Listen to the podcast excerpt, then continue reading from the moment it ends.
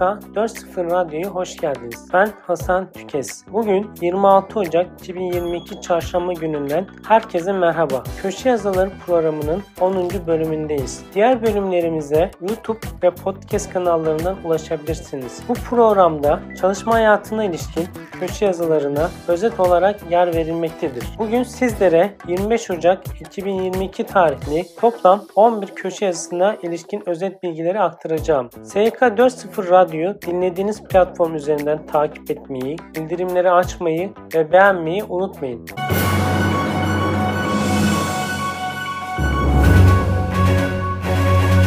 1. Vedat İlkin'in 2022 yılı kıdem tazminatı %30,95 oranında arttı. Başlıklı yazısında yer verdiği konular özetle şöyledir. Kıdem tazminatı alma esasları İş Kanunu'nun 14. maddesinde belirlenmiştir. İş Kanunu'na göre ihbar önerli, işveren tarafından geçerli sebeple, işçi tarafından haklı sebeple, yaşlık aylığı toptan ödeme nedeniyle, yaş dışında yaşlık aylığın hak edilmesiyle birlikte kadın işçinin evlenmesi ve bir yıl içinde iş akdini feshetmesi, işçinin ölümüyle iş akdinin sona ermesi ile kıdem tazminatına hak kazanılmaktadır. İşçinin işe başladığı tarihten itibaren hizmet akdinin devamı süresince her geçen tam yıl için işverence işçiye 30 günlük ücreti tutarında kıdem tazminatı ödemesi gerekir. Bir yıldan artan süreler için de aynı oran üzerinden ödeme yapılır.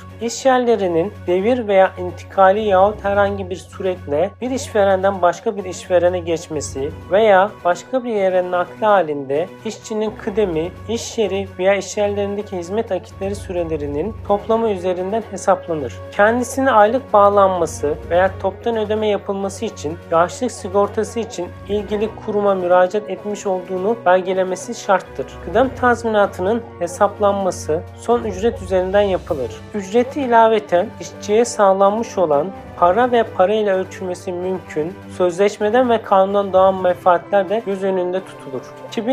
2022 yılı kıdem tazminatı torba yasada belirlenen ek düzenleme ile birlikte %30,95 oranında artmıştır. İşçinin ölümü halinde yukarıdaki hükümlere göre doğan tazminat tutarı kanun mirasçılarına ödenir. Ayın 22'sinden önce işten ayrılanlar 10.596 TL 74 kuruş tavan esas alınarak ödeme yapılmıştır. Ayın 22'sinden sonra gelen zamla birlikte bu rakam 10.848 TL 59 kuruşa yükselmiştir. Tavandan ödenen kıdem tazminatlarına yıllık fark 251 TL 85 kuruş olarak ödenecektir. 2. Mert Nayır'ın EYT'lilere 2022 yılında müjde verilecek mi başlıklı yazısında yer verdiği konular özetle şöyledir. Yaklaşık 5 milyon yakın EYT'li ileri yaşlarından dolayı iş bulamıyor. İş bulamayan EYT'li haliyle bir de üstüne GSS'li oluyor. Ve GSS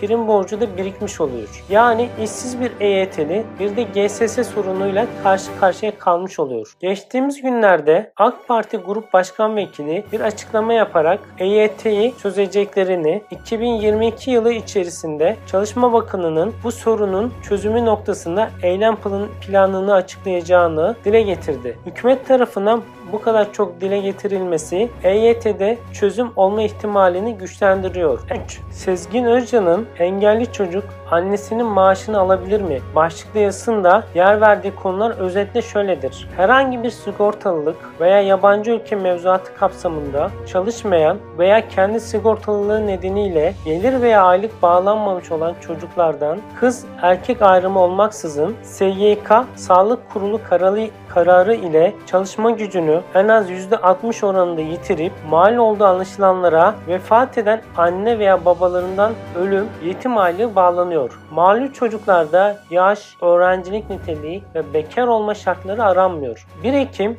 2008 tarihinden itibaren önce emekli sandığı kanuna göre iştirakçı olanlar ile bunların dul ve yetimleri hakkında emekli sandığı kanunu hükümlerine göre işlem yapılmakta olup aylıklarının bağlanması, artırılması, azaltılması, kesilmesi, yeniden bağlanması hakkında 5434 sayılı kanun hükümleri uygulanır. 5434 sayılı emekli sandığı kanunu kapsamında iştirakçı olup adi mağlulluk aylığını 5434 sayılı kanun hükümlerine göre bağlandığından şirket kurulması veya özel sektörde çalışmaya başlanması halinde maluk aylığı kesilmez. Özel sektörde çalışmaya başlanması durumunda verilen ücretin üzerinden %7,5 oranında sosyal güvenlik destek primi kesintisi yapılır. 4. Resim Kurt'un kıdem tazminatı tavan tutarı ne kadar arttı? Başlıklı yazısında yer verdiği konular özetle şöyledir. Kıdem tazminatı işçinin en az bir yıl çalıştıktan sonra kıdem tazminatı ödenmesi gereken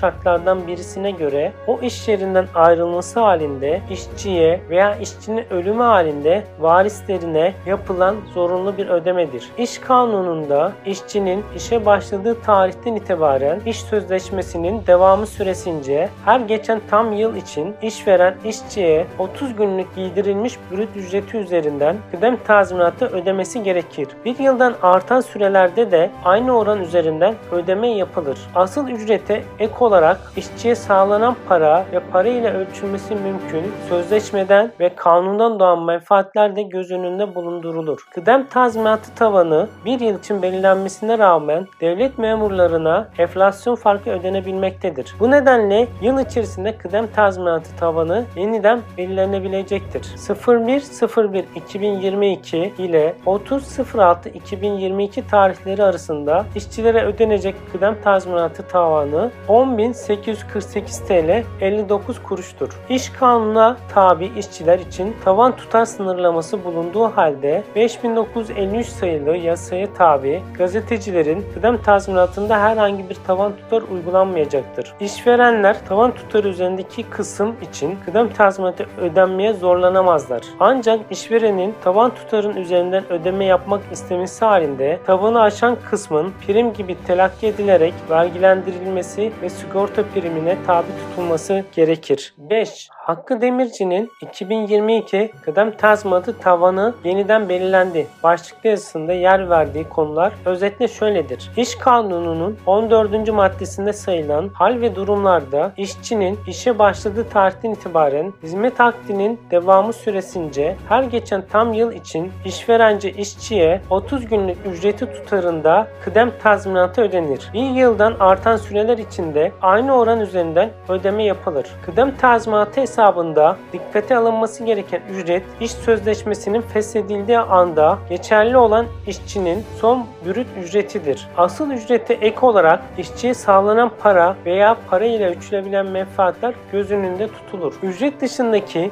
para veya para ile ölçülebilen menfaatlerin tazminata yansıtılmasında son bir yıl içinde yapılan ödemeler toplamının 365'e bölünmesi suretiyle bir güne düşen miktarın belirleneceği kabul edilmektedir. 01.01.2022 ile 30.06.2022 dönemi için işçilere ödenecek yıllık kıdem tazminatı tavan tutarı 10.848 TL 59 kuruş olarak belirlenmiştir. Önceki kanun ve genelge çerçevesinde 01.01.2022 ile 21.01.2022 devresinde işçilere yapılan kıdem ödemelerinde de yeni tavan miktarının esas alınması, tavan değişikliğinden kaynaklı fark tutarların varsa hak eden çalışanlara ödenmesi gerekmektedir. 6. Ufuk Yola'nın gece gündüz şeklinde karma çalışma yapılan iş yerlerinde fazla mesai nasıl hesaplanmalıdır? Başlıklı yazısında yer verdiği konular özetle şöyledir. İş kanunu 1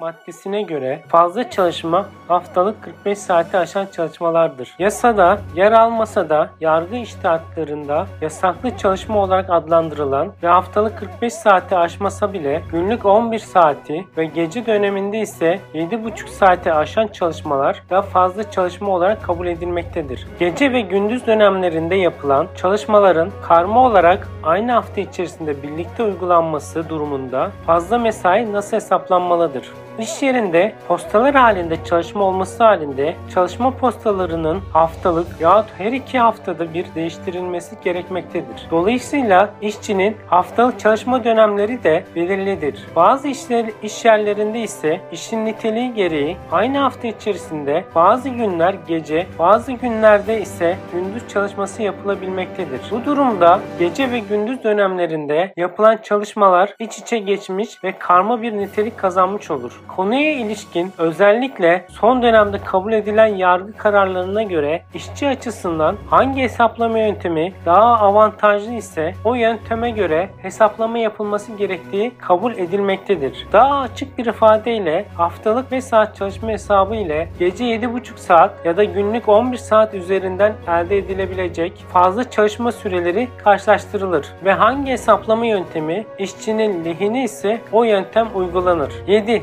Ali Şerbetçi'nin almadığınız haklar için imza atmayın başlıklı yazısında yer verdiği konular özetle şöyledir. İşten kendi isteğiniz ile ayrılmanız halinde tazminat alamazsınız. Ancak haklarınızı alabilmek için iş mahkemesinde dava açmanız veya Çalışma Bakanlığı'na şikayette bulunmanız gerekmektedir. Çalışırken yani işten çıkmadan şikayet etmek istiyorsanız şikayet dilekçenizde isminizin gizli tutulmasını talep edebilir veya somut deliller ortaya koyarak isimsiz şikayette de bulunabilirsiniz. İşveren senelik izinleri kullanma, kullandırmak zorundadır. Sizde kullanmadığınız ya da almadığınız haklar için imza atmamalısınız. Korkup imza atarsanız kabullenmiş sayılır, haklarınızı alamamış olursunuz. İşin giriş tarihi 12.04.2005, %43 engelli, 4255 SYK günü olan biri işin girişine göre 20 yıl ve 4400 prim gün şartlarına tabi, 145 gün daha prim ödemesi durumunda prim gün sayısı tamamlanacak. Ancak 20 yıl şartı 2025 yılında dolacağından emekli olacağı tarih 12.04.2025 olacaktır.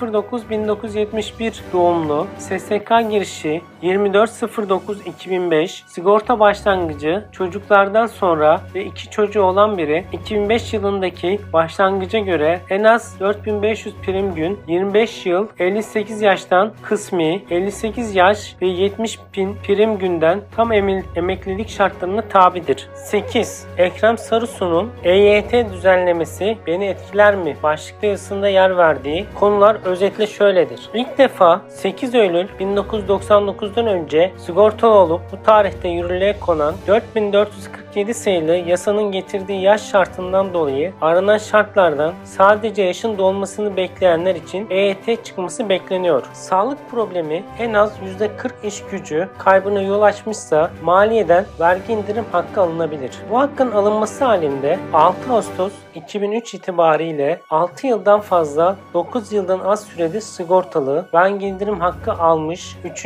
derece engelli olarak emeklilik için 17 yıl sigortalılık süresi ve 3920 gün prim ödeme şartlarına tabi olunur. Vergi indirim hakkı alınacağı tarih itibariyle yaş oranından emekli olunabilir. Çalışan emeklinin işinden kendi isteğiyle ayrılması halinde kıdem tazminatı alma hakkı bulunmuyor. Emekli çalışan iş akdinin işverence haksız yere ve kendince haklı bir nedenle fisi edilmesi halinde kıdem tazminatı alabilir. 1973 doğumlu sigorta girişi 15 Ağustos 1988 6750 gün prim ödemesi olan biri ilk girişte adına prim ödemesi bulunması durumunda emekli olmak için 25 yıl sigortalılık süresi, 5450 gün prim ödeme ve 51 yaş şartlarına tabi olur. Primin yeterli olduğundan bundan sonra prim ödenmemesi durumunda 2024'te 51 yaşını dolduracağı tarihte emekli olabilir. Staj sigortasında kişileri emekli eden uzun vadeli sigorta kollarına malüllük, yaşlılık ve ölüm sigortaları prim ödenmediğinden emeklilik açısından sigorta başlangıcı sayılmıyor. 2002 başlangıcına göre Bağkur'dan iki şekilde emekli olunabilir. 1. 9000 gün prim ödeme şartıyla 60 yaşını doldurulacağı tarihte 2. 5400 günden fazla prim olduğunda faaliyete son verip bundan sonra prim ödenmemesi durumunda 62 yaşın doldurulacağı tarihte emekli olunabilir. 9. Faruk Erdem'in EYT çözüm geliyor başlıklı yazısında yer verdiği konular özetle şöyledir.